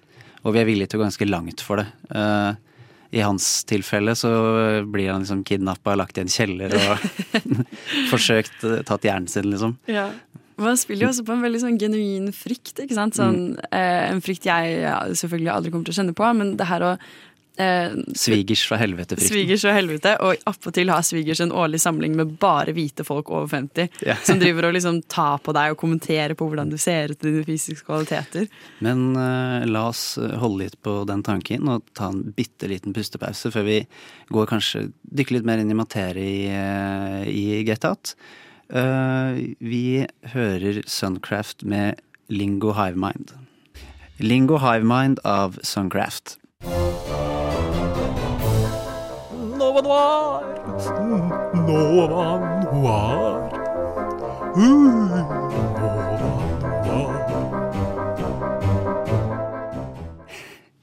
Uh, ja, nå har vi snakket om Out. Vi har kanskje gått litt inn i materie allerede, men eh, som Jordan Peel er god på, så er det jo ikke bare overfladisk i det hele tatt. Han har mye å si, eh, og gjør det på, veldig på sin egen måte. Og i Get Out så er det mye å hente her. Ah, kanskje litt mer enn eh, opplagt rasisme. Eh, har du noen formeninger, Anna? Ja, ja, jeg har en del formeninger. Det, men definitivt. Altså, det er jo det her med rasisme som er på en måte hoved, hovedelementet i filmen. Men han spiller jo også veldig mye på privilegiet. Eh, privilegier. Det er liksom også gjennomgående i øst. Det er med at vi ser ikke privilegiene våre eh, i det hele tatt. Og veldig på en måte tydelig karakteren Rose. At hun selv ikke skjønner eh, hva det er som skurrer. Med huset hennes, med familien hennes. At hun Mm. ikke skjønner det før hun har med seg en svart kjæreste hjem. Eh, og så er det også utrolig mye symbolisme som er kult. Som f.eks. det her med at de kjører på dette rådyret i starten. At det liksom er et dyr som ofres. Og når eh, Chris sitter i denne kjelleren, lenket fast i denne skinnstolen, så ser han rett på hodet til et rådyr på veggen. Og så begår han sitt første mord med hornet til et rådyr Ja. også. Så det er, det er full sirkel her. Full sirkel med rådyret. På den verste karakteren, for så vidt. Ja. Du snakket om irrit irritasjonsmomenter i sted. Sånn der broren i, film, nei, film, i, i familien er Mm. både dårlig, ikke egentlig dårlig spilt og litt sånn malplassert. Ja. Han virker ikke som de andre. Nei, han, han passer ikke inn i familien, og han er en slags sånn så åpenbar rasistkarakter. En veldig sånn karikatur på det å være rasist. Som plasseres inn i en, i en familie som egentlig har det litt Subtilt. Litt subtil rasisme, på De er liksom dem dem demokrater og ikke Men der, der, der han funker veldig bra inn, er at du, du setter den der eh, subtile rasismen opp mot den opplagte. Og da ser man jo at, det er jo at den der hverdagsrasismen, den der subtile, er jo mye skumlere og mye verre, vil jeg si, enn de der opplagt. Fordi sånne opplagte rasister, de, man vet de er drittsekk. Du vet du skal holde deg unna dem. Du, du vet at uh, det er en douchebag, liksom. Mm. Men de som du, Hvis du sitter og undrer over lang tid, sånn, det er mye, mye verre. Mm. Sånn systematisk. Definitivt. Og et veldig også interessant aspekt med det er det her med at Nei, men det er ikke rasisme, det at vi liksom kidnapper eh, svarte mennesker og tar hjernen deres, liksom. Mm. Det, er, det, er, det er forskning. Det er vitenskapen. Vi, vi, kombinerer, ja, vi kombinerer eh, disse gode fysiske utgangspunktene med de enorme hjernene våre, liksom. Det er, det er et så fucked up bilde. Ja, det, det er sånn den jeg, når jeg snakker høyt om det nå, for jeg har aldri gått så inn i dybden på filmen før, så bare er det der prosjektet og den der sekten så jævla fucka. Mm. Som, om som jeg ikke syns var fucka nok, så er det bare Når du sier det høyt, så er det bare helt eh, Ja, det er helt rart. Og så er det jo på en måte realistisk også, for vi har jo sett den her forskninga på andre mennesker eh, i historien helt opp til liksom 80-90-tallet. uh, flere steder også. Og jeg husker sånn på midten av uh, titallet, sånn rundt da den filmen her kom ut, så var det jo noen svær greie med at en fyr fra Italia eller noe sånt eh, fikk en frivillig fyr fra Russland eller noe sånt til å prøve å transplantere et hode.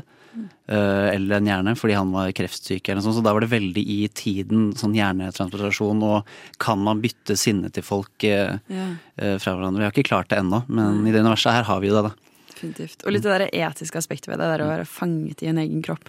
Det må jo være en veldig sånn ordentlig frykt som mange har. Det der å ikke, ja, for ikke kunne ha muligheten til å snakke, kommunisere, men du må oppleve å se. Og det er jo akkurat Man får Ja, jo oppleve det, er, det er det som er mest horror for meg Ja. i den filmen. her altså.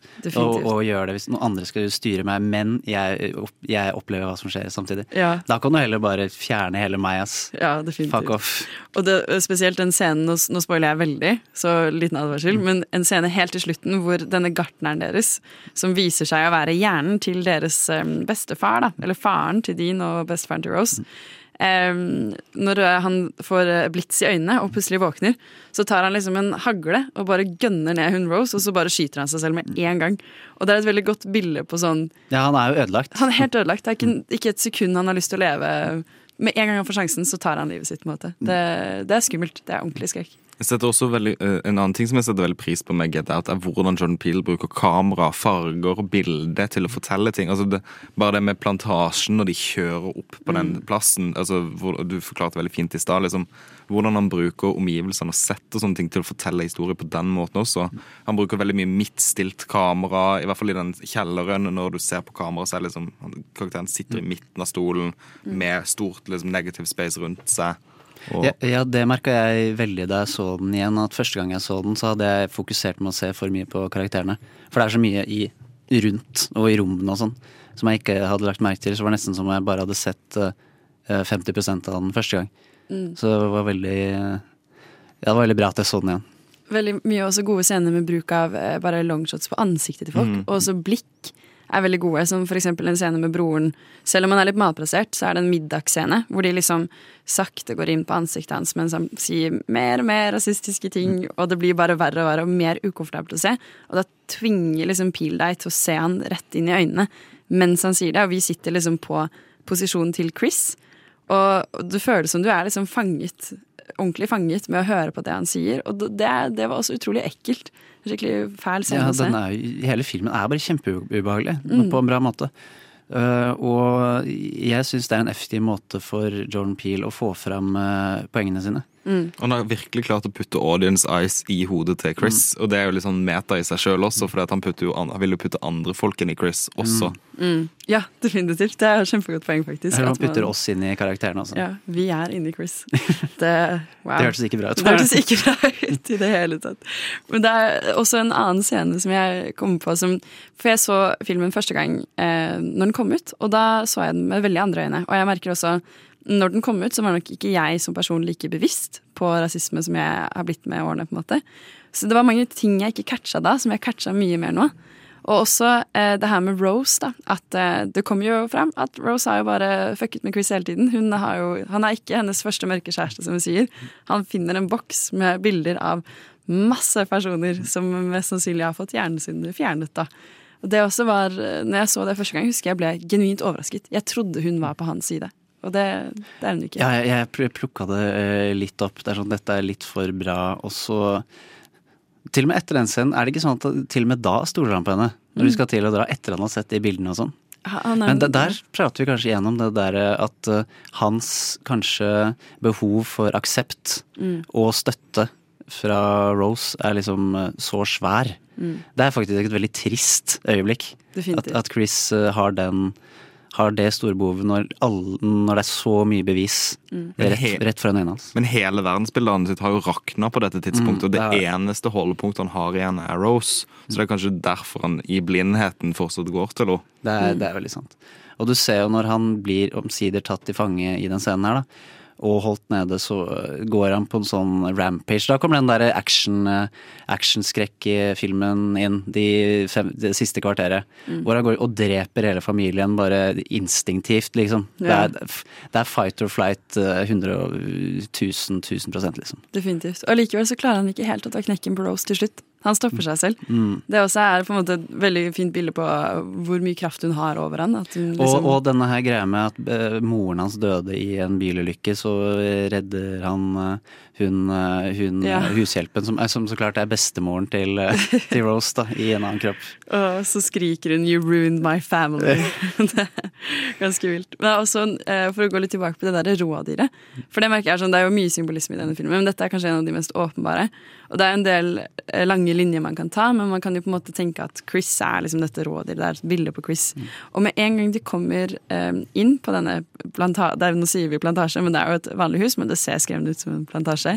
Og da kommer faren din og snakker om at rådyr de er som rotter. De er skadedyr. Jeg blir glad hver gang jeg ser at et rådyr har dødd. Hvis jeg ser et rådyr langs veien, da, da er det skikkelig bra, liksom. Og det er også en sånn Den slår deg i trynet. Den rasismen kommer bare med en gang, liksom. Og det er, det er virkelig Ja. Ja, den, den der kommentaren der, den eh, tenkte jeg ikke så mye på første gang, husker jeg. Mm. Da var det mer sånn at dette er en litt sånn der drittsekk, drittsekk i huntingfar, på en måte.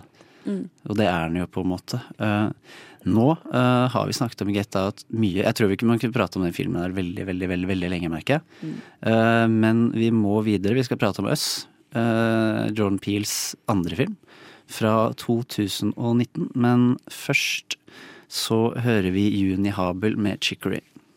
Det var Morning Coffee av Kristoffer Eikrem. Du Du Du hø hø hører på, på Radio Nova. Nå har vi eh, dypdykket eh, ganske langt i Get Out. Eh, nå skal vi prate om Jordan Peele sin andre film, nemlig Us fra 2019. Og eh, Anna, kan ikke du introdusere oss til den? Det kan jeg, vet du. Eh, ja, Us det er jo, som du sa, Jordan Peels andre film. Og etter at Get Out var en såpass stor suksess, så var det jo veldig høye forventninger knytta til denne filmen. her. Jeg husker selv godt eh, når den første promoplakaten kom, og jeg var sånn OK, hva er dette? Men Us det tar jo for seg eh, Adelaide eh, og hennes mann Gabe, eh, som drar på ferie med vennene sine og barna sine, sine to barn, til et strandhus. Eh, og så, tidlig i filmen, så er de på strand med sine vennepar og deres barn. Og sønnen til Adelaide ser noe litt skummelt på stranden. En slags rød skikkelse eh, som bare står der. Og så eh, kommer jo kaoset for fullt når det dukker opp flere og flere dobbeltgjengere, eh, stumme dobbeltgjengere, som hjemsøker eh, familien. Where's Jason?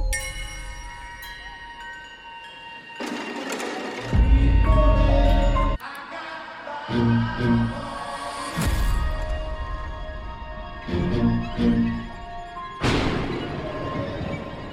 a family in our driveway.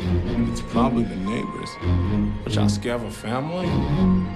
Hi, can I help you? Zora, put your shoes on. If you want to get crazy, we can get crazy.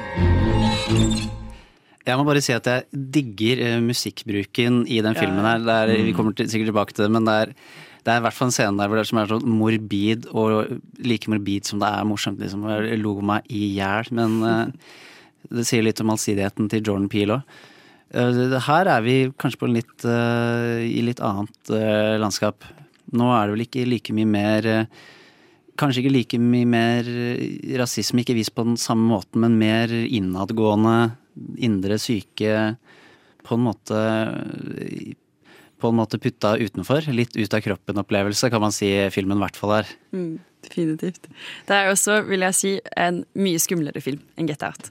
Det er, Syns du det? Jeg syns det. Det er mer blod, det er mer creepy, og jeg er mer, gjennomgående mye mer redd gjennom hele denne filmen. Å, ja, for jeg syns uh, Get Out er mer ubehagelig enn den her. Ja. Ja. Ja, for jeg, der er litt enig. Jeg syns jeg skulle uh, jeg, altså jeg, er nok mer interessert i Us som konsept, for den tar opp liksom uh, en slags sånn uh, hidden world underneath our world og den der home invasion-konseptet, som er to ting jeg syns er dritgøy.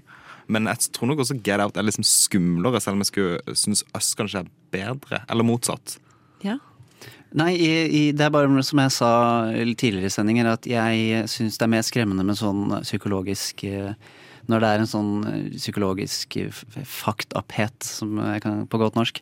Sånn som familien i Geta, for eksempel, er noe av det mest sånne type ting, syns jeg, noe av det mest ubehagelige.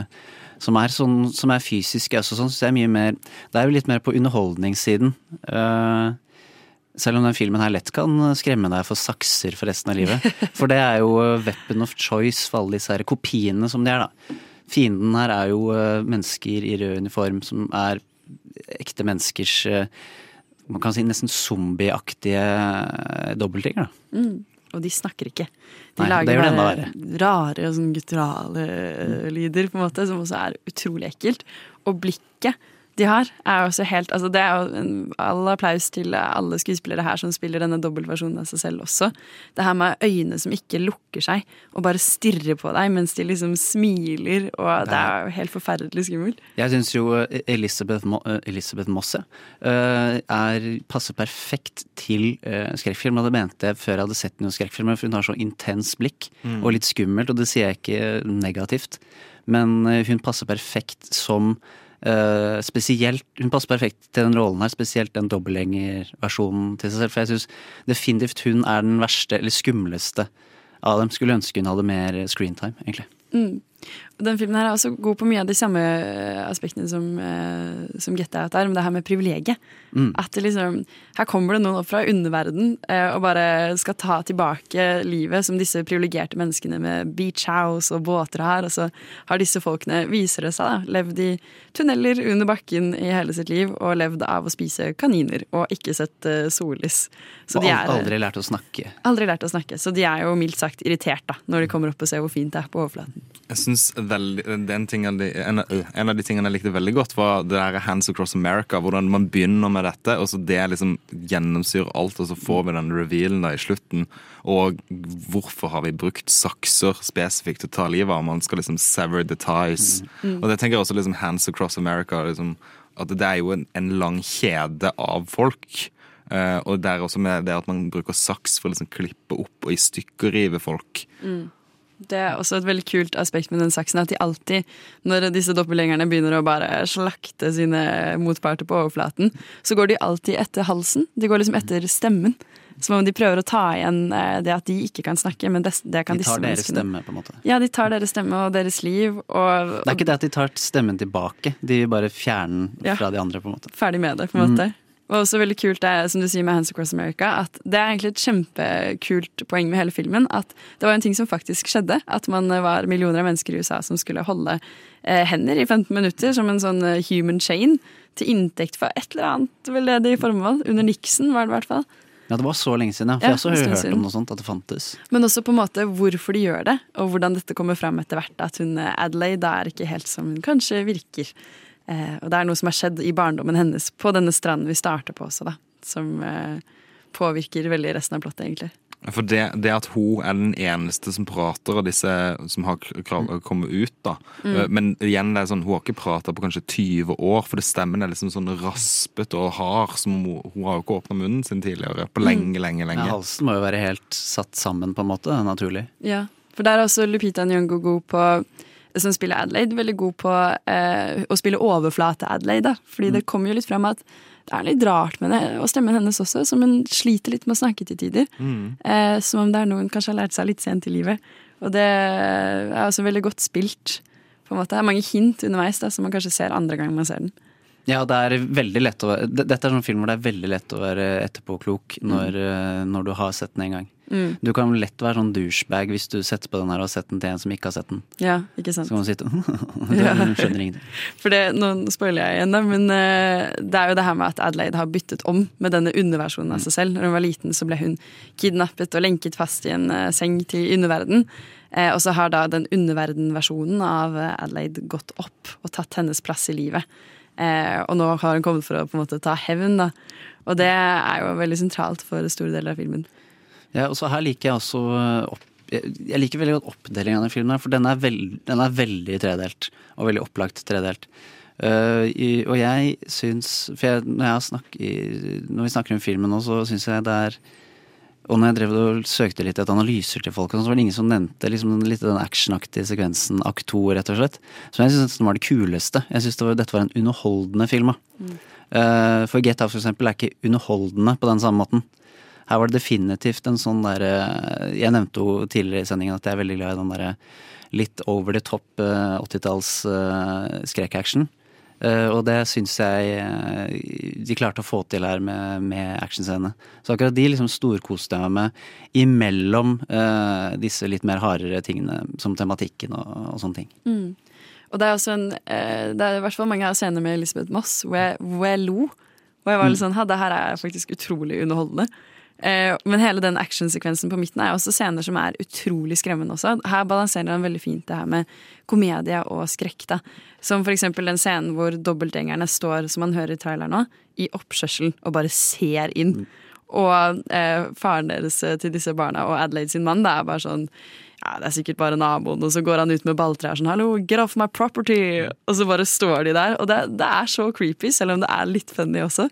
Det var veldig fint balansert, hele den sekvensen. Jordan Peele er veldig flink til å lade karakterene og lade disse følelsene og det som skjer i filmen. Altså, Når de dør, så er det liksom sånn Men jeg bryr meg om at de dør, for jeg har blitt glad i den karakteren allerede. For jeg har ledd sammen med Elisabeth Moss flere ganger allerede. Ja, det, det, er, det er veldig riktig. Det, er jo en, det er den enkleste måten å stifte bekjentskapet på, liksom.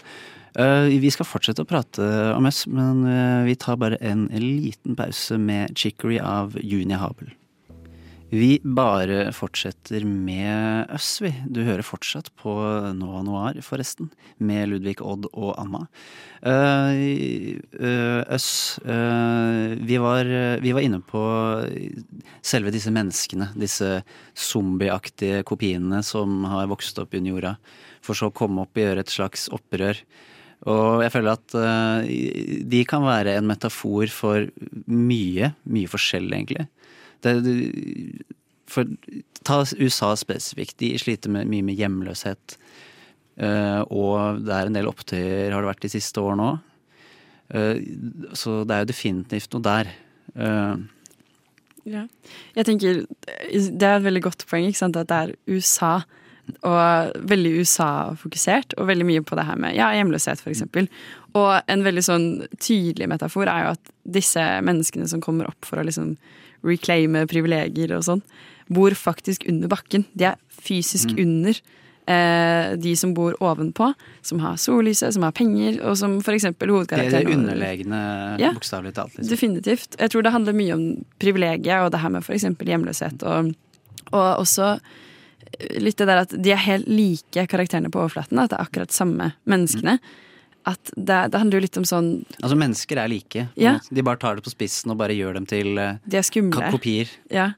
Og også at hvem man ser på som fienden. For vi er jo på siden til, i hvert fall jeg i starten av filmen, er jo på siden til de på overflaten. ikke sant, Til Adelaide og mannen hennes og barna hennes. Og så kommer på en måte disse menneskene opp og er sånn Nå skal vi få liksom tingene deres. Da blir jeg jo sånn Å, det er dere som er bad guys. Dere er skurkene.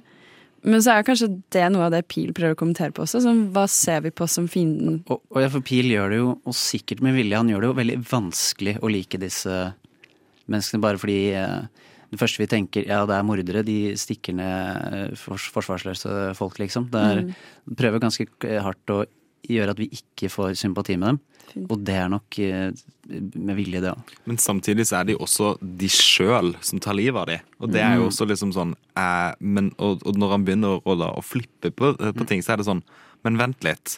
Er det greit? Altså kanskje de har et poeng, de som begynner å ta livet av folk her nå. Og så, liksom, og så blir vi på lag med de, samtidig som at de er det onde.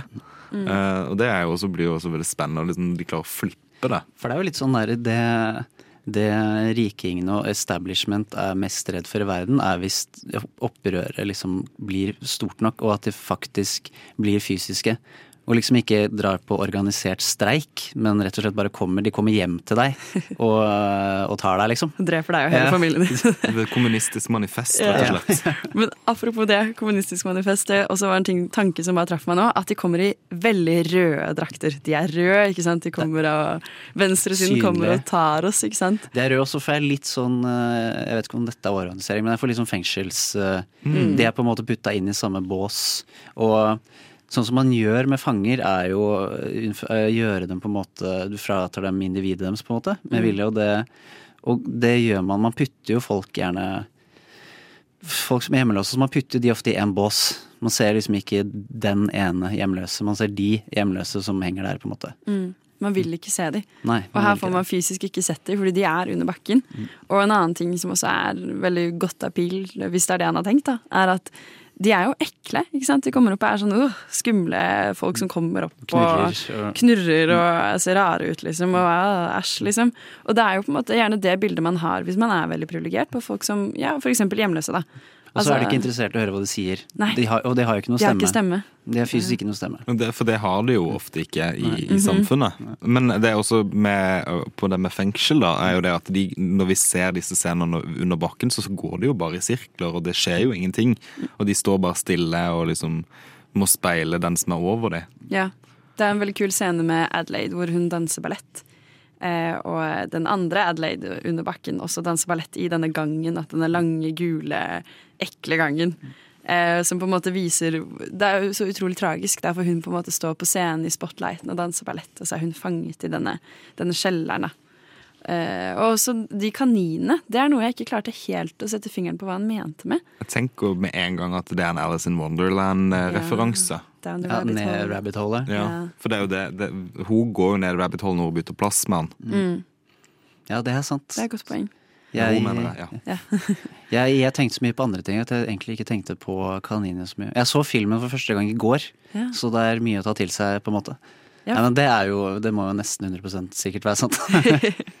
Jeg tenker også sånn eh, med, med oss så er det mye vanskeligere, syns jeg, å sette fingeren på hva Pil prøver å si. Så man kan snakke om det her med privilegiet og over- og underklasse, bokstavelig talt, men, men det er en del liksom, ting jeg føler jeg ikke, jeg ikke catcher jeg, jeg, jeg har litt mer sånn eh, konstruktiv kritikk å komme med til den filmen her enn med Get Out, kanskje. Eh, For jeg syns den er litt for lang. Med det første, Den varer i to timer, og den burde vart i halvannen, kanskje. Mm. Det, det at Get Out for eksempel er halvannen og er veldig kompakt, og det er perfekt. Eh, Og den her, så, som du sier, jeg tror Peel har hatt mange ideer, og så har han prøvd å pushe inn alt i en film. Den kunne nok vært konsentrert på noe ett et eller færre områder. Fordi det er noe som forsvinner som jeg er helt, ikke helt sikker på, jeg heller. Jeg kom på en annen ting med den kaninen, for den hang jeg meg litt oppi. Og det er jo også Matrix, rett og slett. Altså eh, Neo følger jo etter kaninen og kommer er seg sant, ut av det. The Matrix. Mm. Og det var her er liksom kaniner som følger de inn i mm. Og da bryter med den der eh, klarer å komme seg ut av verden, da. Ikke sant? Og også det her med at disse dobbeltgjengerne begynner først å komme når Adelaide er tilbake på denne stranden, hvor inngangen til denne tunnelen er. Da kommer de opp igjen. Og man ser også i den scenen hvor Adelaide sitter på stranden, at hun er veldig stressa. Hun ser rundt seg og er liksom usikker på hva som skjer, fordi hun vet jo at inngangen til denne undergrunnsverden er rett der borte. Og det står også, det er egentlig ganske morsomt, står liksom over inngangen til det er jo et gammelt tivoli um, og en gang med sånne glass, jeg vet ikke hva man kaller det, men uh, hvor hun ser refleksjonen av seg selv. Det er der hun på en måte blir fanget. Og rett over der så står det 'Find yourself' i Det er mye her. Det er mye å ta av, men vi har snart kommet til veis ende, dessverre. Jeg skulle gjerne sitte og prate mer. Men med Us og Get Out som bare ett svar, det er Team Get Out eller Team Us, hvis dere måtte velge en. Get Out på meg, kan jeg si. Get out på meg også, tror jeg. Jeg tror nok, altså Get Out er en bedre film, men Us har mer interessante ideer. Mm. Du, du kunne sett Us flere ganger, heller enn Get Out. Ja. Men jeg vil si at Get Out er nesten perfekt som en film. Oi, du går så langt. Nesten Jeg går ikke så langt, men uh, kjempebra er den. Vi hører konsentrert av Knut Peder. Uh, Da har vi kommet til, eh, til veis ende. Eh, Litt sånn Vi har Ja, tiden går fort, altså, dere. Vi har hatt litt sånn halvveis halloween-sending i dag, halvveis eh, skrekkfilm generelt, og Jordan Peel og hans to filmer Get Out og Us. Og der hadde vi mye å si, hvis vi går andre vei. uh, og vi kunne bare prate og pratet mer om de filmene, tror jeg. Kanskje det ble litt hulter bulter. Jeg fant plutselig ut at jeg hadde mye mer å si enn jeg trodde jeg hadde. eh, Som jeg gjør hver gang jeg sitter her. Eh, Vi har også diskutert og pratet litt om hva slags skrekkfilmer vi liker, hva vi gjør eller ikke gjør på halloween. Eh, eh, og da er det egentlig ikke mye mer å si enn takk for meg. Jeg har vært Ludvig Wilter, deres vert. Med meg har jeg hatt Odd Thomassen og Anna Juel Johnsen. Det er viktig at eh, mellomnavnet hennes blir uttalt riktig. Men da sier vi bare ha det, og så hører vi Ærlig hit Nei, Ærlig hit med Hvor faen ble det av Norge? Ha det!